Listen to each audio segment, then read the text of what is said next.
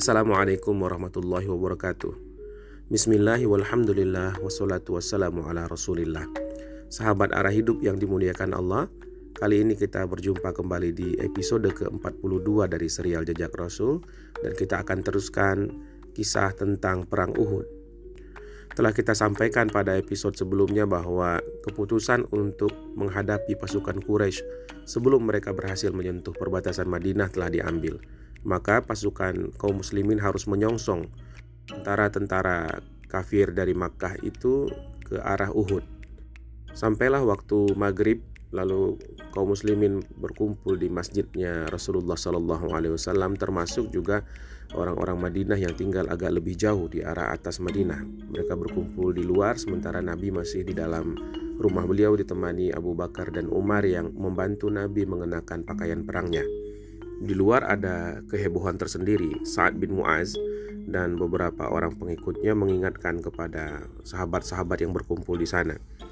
Kalian semua ini sudah memaksa Rasulullah Wasallam untuk keluar. Itu bertentangan sebenarnya dengan kemauan beliau. Sedangkan kita semua mengimani beliau sebagai nabi kita yang tentu saja visi dan pandangannya terbimbing oleh wahyu. Maka saat menganjurkan orang-orang ini untuk mengembalikan keputusan kepada Nabi Shallallahu Alaihi Wasallam sekalipun musyawarah telah diambil putusannya tapi sebaiknya serahkan kembali keputusan ini ke tangan Nabi untuk ditetapkan oleh beliau sebijak-bijaknya keputusan. Lama Nabi pun keluar dari rumah beliau mengenakan pakaian lengkap yang menampakkan beliau sudah siap sekali untuk perang. Nabi mengenakan surban di kepala, ada pelapis dada, rompi baja, Bahkan Nabi juga sudah siap dengan perisai dan pedangnya. Di kala itulah uh, sebagian sahabat mengatakan, "Ya Rasulullah, sungguh tak pantas perilaku kami ini. Tidak seharusnya kami menentang engkau dalam hal apa pun ya Nabi. Maka sekarang kami serahkan kembali kepada engkau, putuskanlah hal yang terbaik sesuai dengan kebijaksanaan engkau." Lalu Nabi menjawab dengan satu jawaban yang sangat terkenal itu. Tidak pantas bagi seorang nabi untuk melepaskan baju perangnya yang sudah dia kenakan sebelum Allah menentukan takdir antara dia dan musuhnya. Maka kerjakanlah yang telah kuperintahkan, majulah dengan nama Allah. Kalau kalian sabar, kemenangan akan ada di pundak kalian. Demikianlah, it is what it is.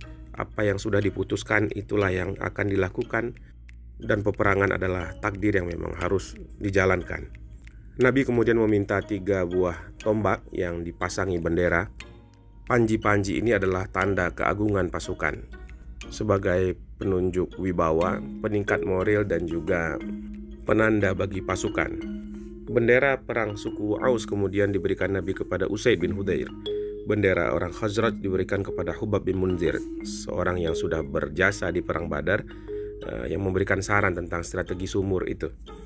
Kemudian benderanya kaum muhajirin dipegang oleh Mus'ab bin Umair. Nabi kemudian menetapkan Abdullah bin Umi Maktum untuk menjadi imam sholat selama beliau pergi berperang. Dan Nabi menaiki kudanya. Kuda ini diberi nama namanya Sakat. Beliau memanggul busur panah dan menggenggam tombak. Kemudian berangkatlah pasukan perang itu yang kekuatannya kurang lebih seribu orang. Mereka terus berjalan dan sampailah di Saikhain satu pertengahan jalan kira-kira antara Mekah dan Uhud. Nabi kemudian melakukan inspeksi pasukan, datanglah waktu sholat, kemudian Bilal azan dan mereka sholat berjamaah di sana.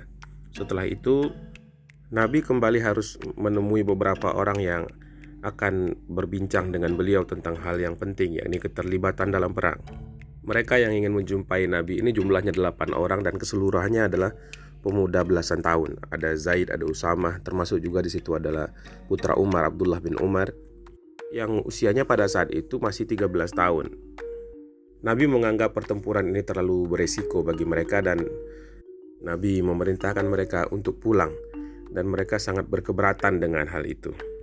Hanya saja orang-orang Ansor e, merekomendasikan Rafi' orang-orang sukunya dari Bani Harisah kaum Aus paham betul bahwa Rafi' bin Khudej ini adalah seorang pemanah yang uh, handal. Lagi pula usianya agak lebih besar dibanding anak-anak yang lain yakni sudah sampai 15 tahun. Dia bahkan bisa memanah lebih baik daripada orang-orang yang lebih tua. Mendengar itu kemudian Nabi mengabulkan permintaan itu. Ya sudah Rafi' masuk ke dalam barisan pasukan pemanah. Tapi sahabatnya tidak terima dengan itu. Kalau Rafi' ikut, aku pun ikut, wahai Rasulullah, kata seorang pemuda sebaya Rafi' kawannya yang bernama Samurah bin Jundab. Samurah katakan, kalau Rafi' boleh bergabung berarti orang yang lebih kuat daripada Rafi' boleh juga, seharusnya. Karena kalau aku melawan Rafi' dalam bergulat, akulah yang menang wahai Rasulullah. Lalu Nabi pun mengatakannya sudah, ayolah kau tunjukkan kemampuanmu. Bergulatlah Rafi' dan Samurah dan memang Samurah menang. Oleh karena itu Nabi harus menerima bahwa kedua anak 15 tahun ini mesti bergabung di dalam pasukannya. Begitulah semangat jihad yang menyala-nyala di hati kaum muslimin pada saat itu. Keinginan untuk berkorban di jalan Allah tidak hanya ada pada kaum tua, tapi juga kaum muda, bahkan kaum yang sangat belia. Sementara itu di Madinah, pernikahan Hanzalah dan Jamilah sudah dilaksanakan. Sang pengantin perempuan sendiri mendapatkan visi lewat mimpi dia melihat suaminya itu sedang berada di depan pintu surga yang terbuka. Lalu Hanzolah masuk, kemudian pintu tertutup kembali. Jamilah terbangun dan dia bergumam, ini adalah tanda-tanda syahid bagi suamiku. Malam pengantin usai, mereka pun bangun dan sholat subuh bersama. Dan ketika Hanzolah akan pergi, Jamilah yang baru satu malam menjadi istrinya itu menahannya kembali lalu mereka kali lagi larut dalam cintanya. Eh, susah sekali hati Jamilah melepaskan suaminya ini. Baru menikah dan dia sadar bahwa sebentar lagi suaminya akan tiada. Fajar hampir menyingsing maka Hamzolah pun bersegera melepaskan pelukan istrinya. Dia berlari tanpa sempat membersihkan hadasnya lebih dahulu. Bergegas ia menyusul pasukan yang telah sampai di uh, Syekhain. Sementara pasukan yang dipimpin oleh Nabi tengah bersiap-siap karena sesuai dengan arahan Rasulullah, mereka harus berangkat begitu fajar menyingsing. Tapi pada saat itu ternyata sekelompok orang sedang membongkari tenda mereka dan itu adalah Abdullah bin Ubay serta para pengikutnya dari kaum munafikin. Eh, di malam hari mereka telah berkoordinasi dan mengkhianati pasukan dengan cara berbalik kembali ke Madinah. Memang dari awal Abdullah bin Ubay sangat tidak setuju dengan keputusan untuk menyongsong pasukan Quraisy di luar kota. Dia lebih memilih untuk menunggu di Madinah saja. Manuver yang sebenarnya bisa dikategorikan pengkhianatan ini berefek sangat besar kepada kaum muslimin. Ini adalah sebuah tindakan pengecut dan memalukan sehingga Abdullah bin Abdullah putra Ibnu Ubay malu sekali atas tindakan bapaknya itu. Tapi demikianlah eh, hati kaum munafikin memang diselubungi oleh kabut yang tebal yang menjauhkan mereka dari kebenaran. Dan jumlah pasukan yang dibawa pulang oleh Abdullah bin Ubay cukup signifikan. Sekarang eh, tinggal 700 saja jumlah pasukan yang dipimpin oleh Nabi untuk menghadapi peperangan di Uhud. Mental kaum munafikin memang tidak siap untuk perang yang harus mengorbankan nyawa demikian rupa. Jika resiko sudah ada di depan mata, maka mereka akan memilih untuk berbalik. Namun keteguhan Abdullah, putra Abdullah bin Ubay untuk tetap bersama Nabi merupakan sebuah tamparan juga baginya. Dan ketika dia ditanya oleh pasukan Ansor yang berteguh hati mendampingi Nabi, anakmu saja tetap bersama Rasulullah berperang. Kenapa engkau berbalik? Jawaban Abdullah bin Ubay adalah bahwa anaknya itu tidak menurut kepadanya karena mengikuti jiwa muda dan uh, terpengaruh oleh pandangan-pandangan orang yang kurang pertimbangan. Kini pasukan yang tinggal 700 orang itu terus berjalan menuju Bukit Uhud dan kemudian sampailah pasukan ini di sebuah tempat uh, yang dirasa cocok untuk melakukan koordinasi dan rencana strategi perperangan. Setelah memimpin sholat subuh, Nabi berkhutbah, membangkitkan semangat kaum muslimin dan tidak lama setelah itu Hanzolah pun datang memberi hormat. Dia baru saja datang, segera berlari sekencang-kencangnya dari Madinah menuju tempat pertempuran itu. Hanzolah menepati janjinya. Strategi kemudian mulai diatur. Nabi memilih pemanah-pemanah terbaik. Ada Zaid tentu saja, ada Sa'ad bin Abu Waqqas dan kemudian Sa'ib bin Utsman. 50 tentara ditempatkan oleh Nabi di atas bukit. Mereka ini adalah pasukan pemanah yang akan diberikan komando oleh Abdullah bin Jubair. Dan pada saat itu Abdullah bin Jubair memberikan perintahnya. Hujani pasukan berkuda musuh yang hendak menyerang kami dengan panah kalian. Tidak boleh mereka dibiarkan untuk menyerbu kita dari belakang. Bagaimanapun gencarnya serangan, bertahan di sana, jangan tinggalkan pos dan kalau kalian melihat ada di antara tentara kita yang mengambil rampasan perang, kalian tidak boleh ikut karena kalian tetap harus berada di tempat masing-masing. Kalaupun kalian melihat dari tempat kalian itu di atas ada di antara kami di sini yang terbunuh, kalian tidak turun untuk membantu, kalian tetap pada pos kalian. Jadi memang strict sekali perintah untuk menempati pos pemanah ini karena itu adalah strategi utama dalam perang ini. Kemudian Nabi mengambil sebilah pedang, mengangkatnya, bertanya, "Siapa yang memenuhi syarat untuk memegang pedang ini?" kata Nabi. Umar maju untuk mengambilnya tapi Rasul berkata, "Bukan engkau Umar." Kemudian maju pula Zubair bin Awam. Nabi kembali mengatakan, "Kau juga bukan wahai Zubair." Lalu seorang ksatria dari Khazraj maju namanya Abu Dujana. Dia ini adalah legenda hidup dalam peperangan bagi orang Khazraj. Abu Dujana pada saat itu sudah pula mengenakan sorban merahnya yang sangat dikenal oleh orang-orang Madinah sebagai sorban kematian yang apabila Abu Dujana sudah mengenakannya maka bisa dipastikan dia akan bertempur habis-habisan di dalam peperangan. Abu Dujana kemudian bertanya kepada Rasulullah, "Ya Rasulullah, apa syarat untuk memegang pedang ini?" Kata Nabi, "Syaratnya kau harus menebas musuh sampai mata pedangnya bengkok." Kata Abu Dujana, "Kalau begitu aku ambil ya Rasulullah, ku pegang syaratnya." Diserahkanlah pedang itu kepada Abu Dujana dan setelah menggenggam pedang itu Abu Dujana pun maju ke medan perang dengan langkah yang sangat congkak. Satu gaya berjalan yang kalau bahasa kita petantang petenteng dan membuat sakit hati musuh. Kata Nabi, gaya berjalan seperti itu kalau bukan dalam peperangan adalah gaya yang dibenci. Tapi untuk saat-saat seperti ini, gaya seperti itu dicintai oleh Allah Subhanahu wa taala. Perang itu adalah sekumpulan serangan termasuk teror mental yang akan menggentarkan hati musuh. Karena itu, segala macam parade kekuatan amat diperlukan dalam pembukaan perang. Di pihak lawan, kaum Quraisy pun sudah bersiap-siap. Di tengah-tengah mereka menempatkan pasukan infanteri dipimpin oleh Abu Sufyan. Di kiri dan kanannya ada pasukan berkuda dipimpin eh, di satu sisi eh, 100 pasukan kuda oleh Khalid bin Walid dan di sayap satunya lagi dipimpin oleh Ikrimah bin Abi Jahal. Sementara bendera perang mereka dipanggul oleh uh, Talha bin Abi Talha. Kedua pasukan terus maju dan kemudian bertemu berhadap-hadapan dalam jarak satu pendengaran. Maksudnya apabila satu pihak berteriak ke pihak lainnya akan terdengar. Pada saat itu Saywar kembali dilontarkan. Perang-perang psikologis kembali diupayakan oleh Abu Sufyan dengan berteriak ke arah kaum muslimin uh, dia mengatakan kepada orang-orang Ansar, wahai Aus dan Khazraj, sudahlah tidak usah mengikuti perang ini lagi ataupun bergabunglah bersama kami karena uh, sesungguhnya musuh mereka adalah Nabi Muhammad dan pengikutnya dari kalangan muhajirin saja dan orang-orang Ansor tentu saja uh, tidak menghiraukan panggilan-panggilan seperti ini.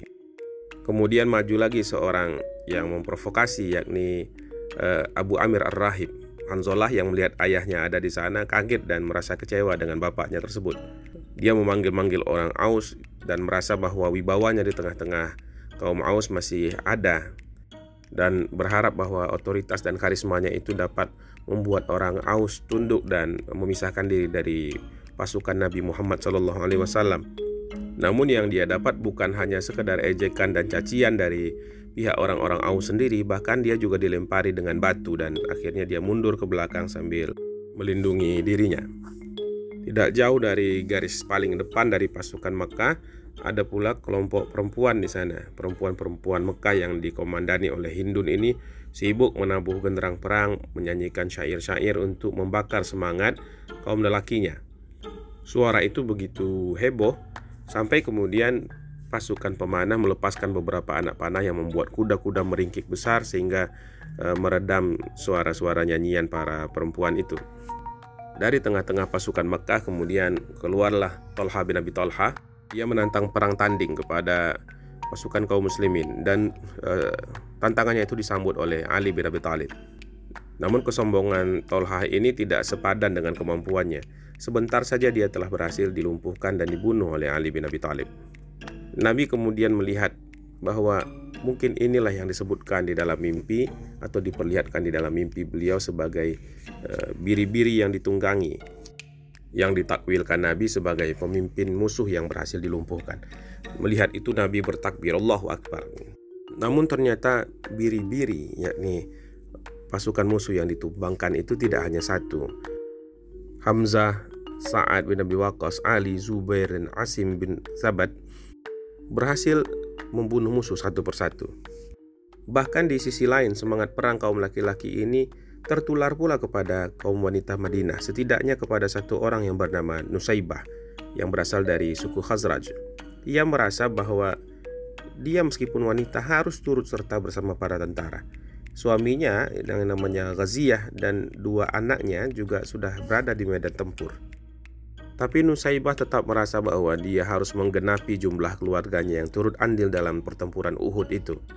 Karena dia punya kemampuan tempur dan terlepas dari itu, dia juga adalah wanita yang turut dalam barisan bersama 70 laki-laki Madinah dalam Bai'ah Aqobah yang kedua. Nusaibah bangun sangat pagi, mengisi kantong air minumnya dan berangkat ke medan perang.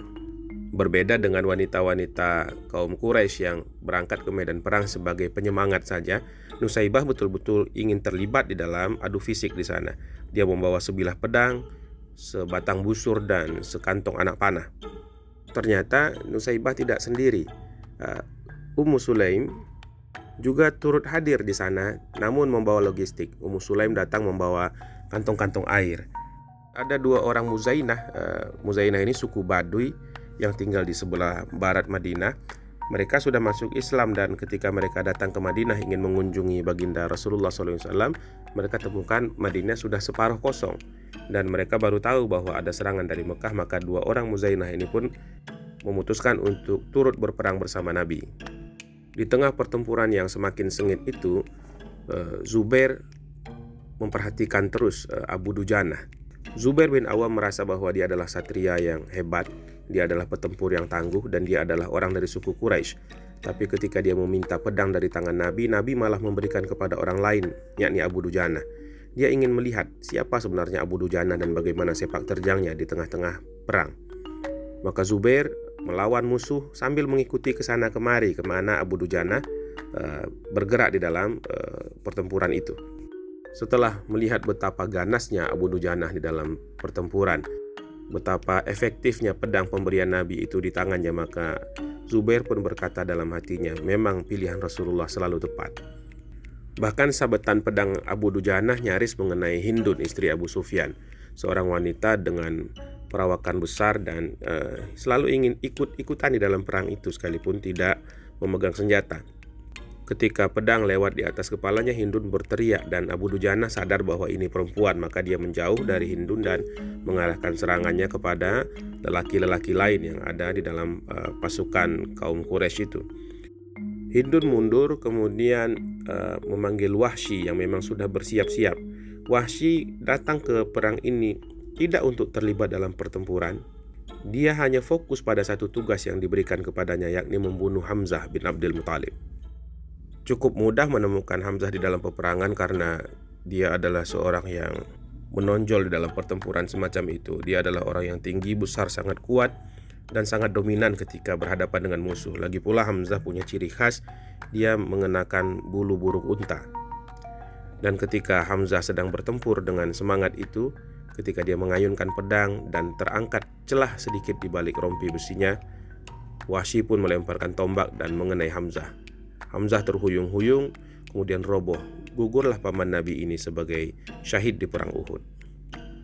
Wahsy telah uh, menunaikan tugasnya dan sekarang dia berhak untuk menebus kebebasannya. Dia bukan lagi seorang budak.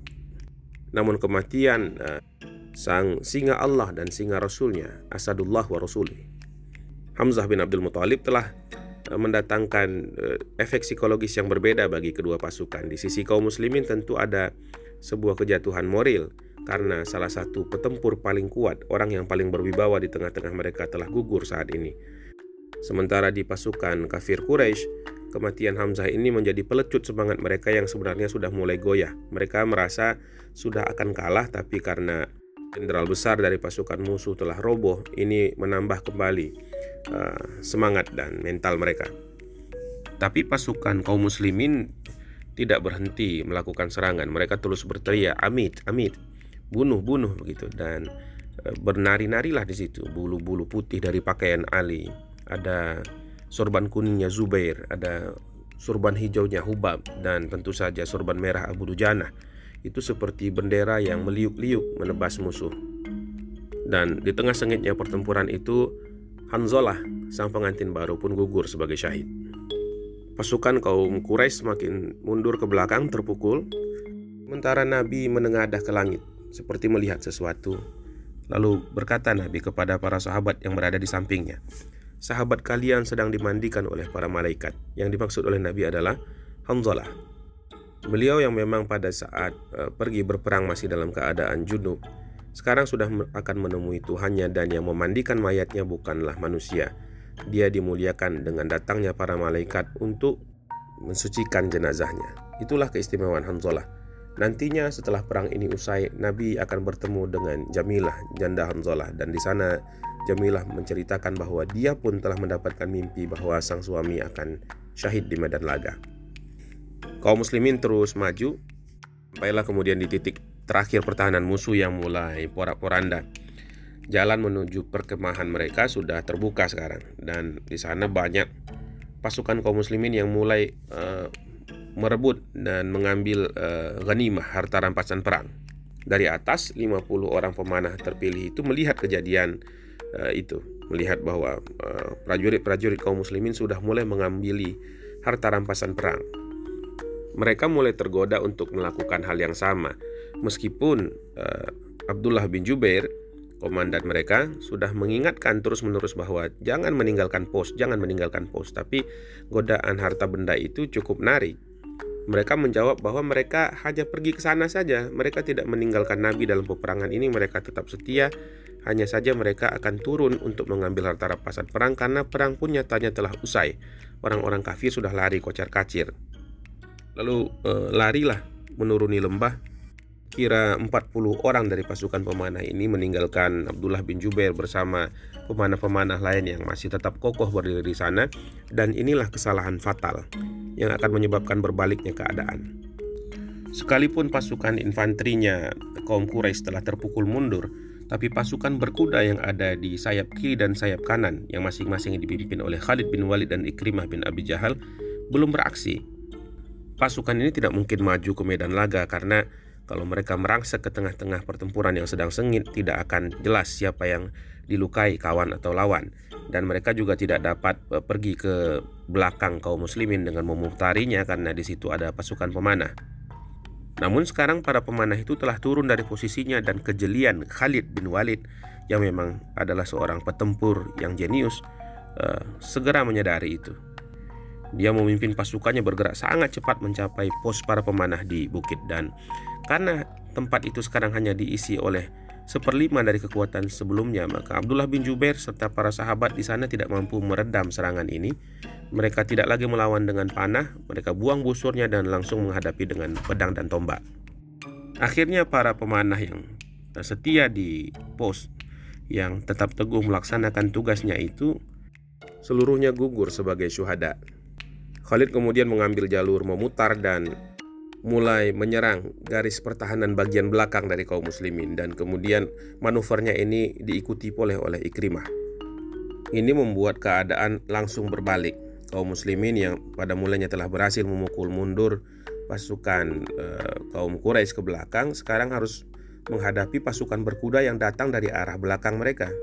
Orang-orang Quraisy ini berteriak dengan kuat, "Ya Hubal, ya Uzza, menyebut Tuhan-Tuhan mereka dengan garang menyerang kaum muslimin dari arah belakang sehingga pasukan kaum muslimin pun kocar kacir. Sebagian malah lari ke atas bukit untuk berlindung. Nabi memanggil-manggil mereka untuk kembali tetapi uh, suara Nabi tidak dapat terdengar karena begitu riuhnya suara musuh dan juga suara mereka sendiri. Mereka tidak memikirkan apa pun kecuali pada saat ini adalah uh, bagaimana caranya kesempatan untuk menyelamatkan nyawanya. Mayoritas kaum muslimin tetap teguh bertempur tapi sekarang pasukan utama, pasukan yang merupakan uh, ujung tombak strategi utama yakni pasukan pemanah di atas bukit sudah tidak ada lagi. Sementara kekuatan pasukan secara kuantitas memang dari awal sudah tidak seimbang. Maka sedikit demi sedikit eh, pasukan muslimin pun mundur ke arah Uhud di mana Nabi berada. Nabi dari atas bukit eh, memberondongkan anak panah ke arah musuh, termasuk juga wanita seperti Nusaibah dan orang Muzainah yang baru datang tadi yakni Wahab dan Haris. Kedua orang Muzainah ini adalah orang-orang yang gagah berani dan mampu eh, menghadang pasukan yang jumlahnya demikian banyak hanya dengan panah-panahnya sendiri. Wahab bahkan punya keberanian yang lebih. Dia turun menghadapi pasukan itu setelah dia dikabarkan oleh Rasulullah SAW tentang surga. Ini pasukan musuh datang, kata Nabi. Siapa yang akan menghadapinya? Saya ya Rasulullah, kata Wahab. Seolah-olah beliau didampingi oleh pasukan, padahal dia hanya seorang diri. Kalau demikian maka bertahanlah engkau wahai Wahab Sesungguhnya engkau harus bergembira karena surga akan menjadi milikmu Mendengar kabar surga itu Wahab semakin uh, semangat Dia kemudian terjun ke tengah-tengah musuh dan menyerang mereka habis-habisan Sementara Nabi dan para sahabat yang lain berhenti sebentar memanah dan melihat keberanian Wahab untuk menghadapi musuhnya. Rasul berdoa ya Allah kasihanilah Wahab. Dan ketika itu eh, Wahab membunuh banyak sekali orang tapi dia dikepung dari segala penjuru. Dan Wahab kemudian gugur dengan lebih dari 20 tusukan tombak di badannya. Sementara sahabat-sahabat yang lain menyaksikan hal itu dengan kagum. Umar misalnya setelah tahun demi tahun berlalu dari peperangan Uhud ini masih mengenang kata Umar dari semua kematian yang tak pernah akan aku lupakan adalah bagaimana orang Muzainah itu, maksudnya adalah Wahab menjemput kematiannya dengan gagah. Demikian pula Sa'ad bin Abi Waqqas, beliau mengatakan bahwa aku masih terngiang-ngiang suara Nabi yang mengabarkan Wahab uh, tentang surga yang akan diperolehnya. Memang di kalangan orang-orang soleh yang begitu yakin dengan hari kemudian, janji-janji tentang surga ini adalah sesuatu yang uh, bisa memicu rasa iri dalam hati mereka, bukan hal-hal duniawi. Perang berkecamuk dan keadaan semakin kacau, eh, masing-masing orang sudah sibuk dengan pertempurannya sendiri. Ada duel-duel eh, individual yang dilakukan di sana. Dan juga Rasulullah SAW menempuh hal yang sama. Beliau bertempur dengan gagah berani, kemudian datang lagi pasukan berkuda dari belakang yang menyisir kaum muslimin. Satu-satu kaum muslimin berguguran. Uh, tapi kemudian pertolongan datang karena pasukan yang sedang berada di depan sekarang mundur ke belakang ada Ali, ada Zubair, ada Tolha dan tentu saja Abu Dujana. Mereka sekarang berada di sekeliling Nabi melindungi baginda. Namun ada sebuah lemparan batu yang keras mengenai mulut Nabi dan uh, membuat sobek bibir bawahnya serta menanggalkan satu gigi Nabi. Darah kemudian mengalir di wajah beliau dan beliau tetap berusaha untuk menahan dirinya agar tidak uh, tumbang. Nabi terus saja berperang dengan keadaan yang sudah cukup parah demikian. Sementara Tolha sudah luka parah karena kehilangan terlalu banyak darah. Maka Nabi katakan kepada Abu Bakar, jaga sepupumu itu. Lima orang pemuda Ansor yang menjaga pertahanan di sekeliling Nabi, empat di antaranya sudah syahid. Satu orang kemudian merangkak di atas tanah melihat ke arah Rasulullah SAW. Nabi kemudian menyuruh dua orang untuk menggotong uh, pemuda Ansor yang masih hidup ini kemudian dibawa ke depan Nabi. Nabi letakkan kepala beliau di paha Nabi dan Nabi membiarkannya tidur sampai akhirnya ajal menjemputnya. Nabi begitu sayang kepada para sahabatnya ini dan begitu sedih karena kematian-kematian mereka. Tapi Nabi mengatakan, surga memang ada di bawah kilatan pedang ini. Saat pasukan muslimin makin terdesak, kemudian juga anak panah mulai menipis stoknya. Datanglah seorang yang bernama Ibnu Qami'ah. Dia ini orang dari suku Quraisy pinggiran. Dia datang dengan kudanya memfokuskan serangannya kepada Rasulullah SAW. Dia melakukan serangan yang sangat keras dan sekalipun serangannya itu sudah ditangkis oleh Tolha sehingga Tolha kehilangan beberapa jari beliau hanya saja uh, tetap mengenai Nabi Shallallahu Alaihi Wasallam sehingga uh, ada benturan keras di sisi kepala Rasulullah yang menyebabkan Rasulullah tumbang. Syamas orang dari Bani Makhzum kemudian maju mendekat ke arah Nabi dan menjadi tameng hidup bagi Rasulullah SAW. Begitu pula Nusaibah, perempuan pemberani yang sekarang sudah tidak memegang panah lagi, dia bertempur dengan pedang. Pada saat itu pula lah beberapa orang di kalangan Quraisy menyebarkan berita di tengah-tengah pertempuran bahwa Muhammad telah mati. Ini adalah kabar terbesar sepanjang perang yang membuat uh, semangat kaum Quraisy semakin menjadi-jadi dan sebaliknya memukul mental dari pejuang Islam yang memang semakin tertatih-tatih dalam meneruskan pertempuran ini.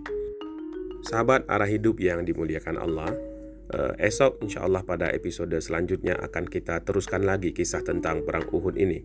Mudah-mudahan Allah berikan kita waktu, kemudahan dan kekuatan Subhanakallahumma wa bihamdika asyhadu an la ilaha illa anta astaghfiruka wa atubu ilaik. Assalamualaikum warahmatullahi wabarakatuh.